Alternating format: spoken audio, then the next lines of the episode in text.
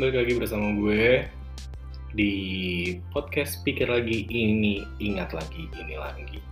Sorry sorry sorry. Salah. Jadi hmm, kali ini gue mau ngomongin soal iklan mempengaruhi kesehatan mental. Sorry. Jadi uh, beberapa waktu yang lalu gue itu lagi tertarik-tertariknya banget sama mungkin kalau ada yang kalau kalian ada yang tahu sama uh, istrinya Rara Sekar namanya tuh Ben Laksana.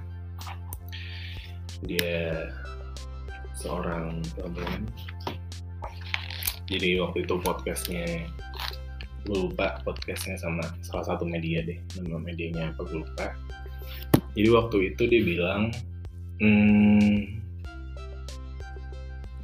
itu tadi yang di awal gue bilang. Jadi iklan iklan itu mempengaruhi kesehatan mental. Di mana uh, sering kali kita ketika kita uh, menghadapi sebuah permasalahan kita tuh eh, apa ya denial dengan permasalahan itu menganggap kayak ah permasalahan itu nggak ada. Atau enggak eh, kayak apa ya contoh oh ini contoh yang baru gue dapat tadi malam ketika gue nonton TV di mana uh, sebuah brand minuman uh, yang sedang mengiklankan produknya uh, jadi dia bilang uh, kangen kangen bareng temen kangen paski paskibra bareng temen.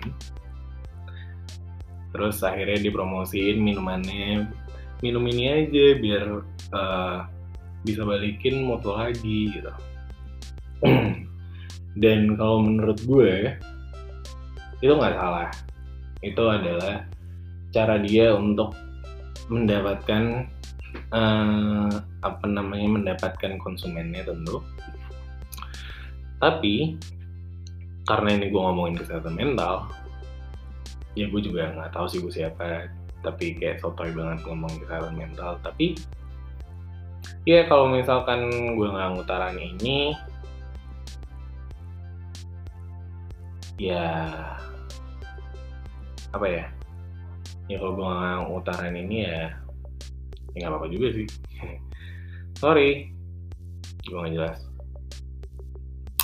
Jadi uh, kenapa iklan itu dapat mempengaruhi kesehatan mental? Apa kaitannya dengan iklan dan kesehatan mental? Karena di iklan itu dia menemukan permasalahan bahwa uh, kita tidak bisa bertemu dengan teman-teman kita, tapi dia menawarkan solusi untuk minum produknya aja agar um, moodnya bisa kembali lagi lebih membaik dan ya standar pikal lah bisa.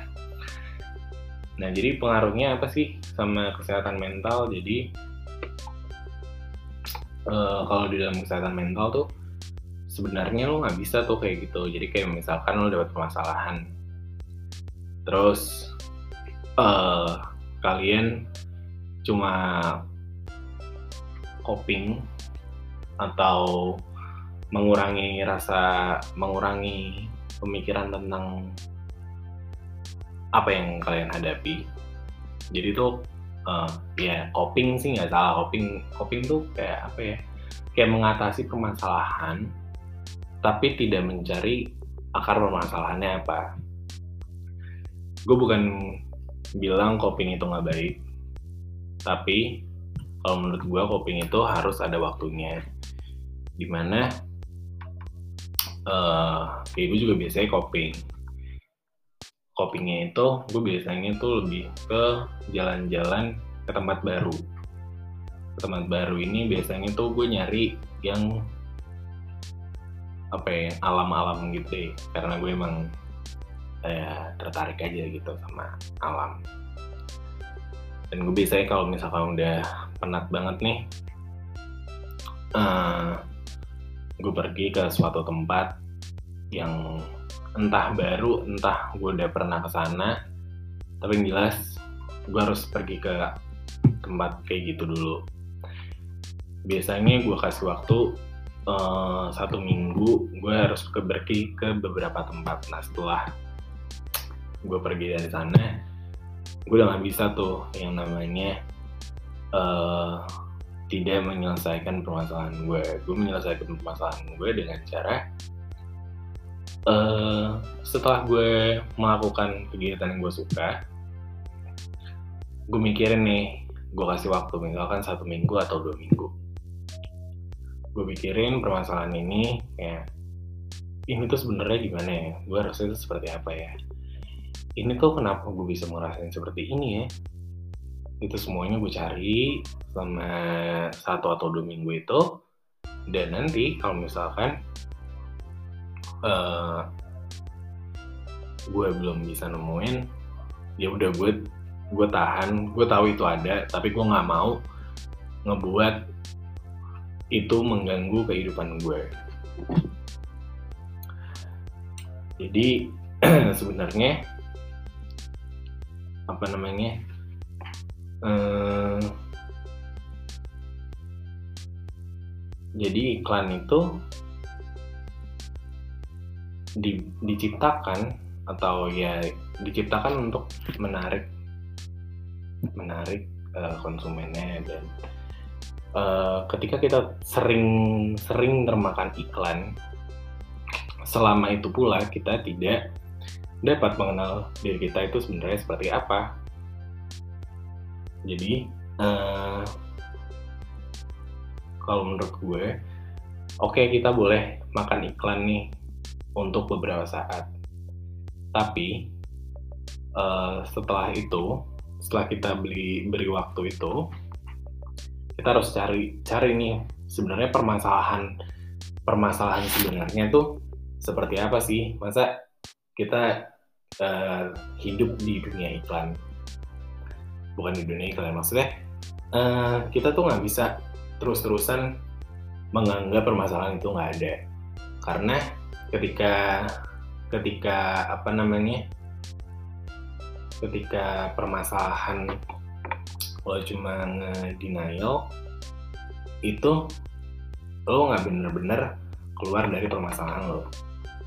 Lo cuma menunda itu terjadi di pikiran lo tapi di suatu waktu lo akan uh, mendapatkan hal yang sama. Dan kalau misalkan lo terus-terusan masih diri lo iklan atau mendenial permasalahan lo itu ya selama itu pula lo nggak bakalan sehat. Jadi kalau menurut gue uh, ya mungkin satu atau dua iklan boleh lo terima dengan cara kalau misalkan tadi gue iklan yang gue maksud tuh ya gue jalan-jalan itu iklan gue. Karena gue ngerasa kayak kalau gue balik ke alam atau ke suatu tempat yang masih asri gitu gue ngerasa kayak lebih adem tentram karena di situ gue kayak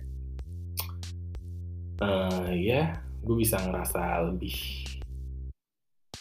hidup aja. Karena di alam tuh emang gue biasanya nggak pernah mikirin apa yang terjadi. Kayak nanti gue bakal kayak gimana ya, nanti gue kayak gimana ya. Sedangkan setelah gue balik dari alam gue baru mikirin ya nanti gue kayak kayak gimana ya nanti gue kayak gimana ya. Gitu. So jadi hmm. Uh, apa tuh namanya? Ya jadi kita nggak boleh terus-terusan ngasih diri kita eh, iklan-iklan yang sebenarnya tidak menemukan permasalahan kita. Oke jadi cara permasalah cara cara agar kita bisa menemukan permasalahan kita itu dengan cara kayak kita tarik dulu nih. Uh, misalkan apa ya permasalahan A. Itu lo harus cari dulu nih akarnya kenapa sih A ini bisa terjadi?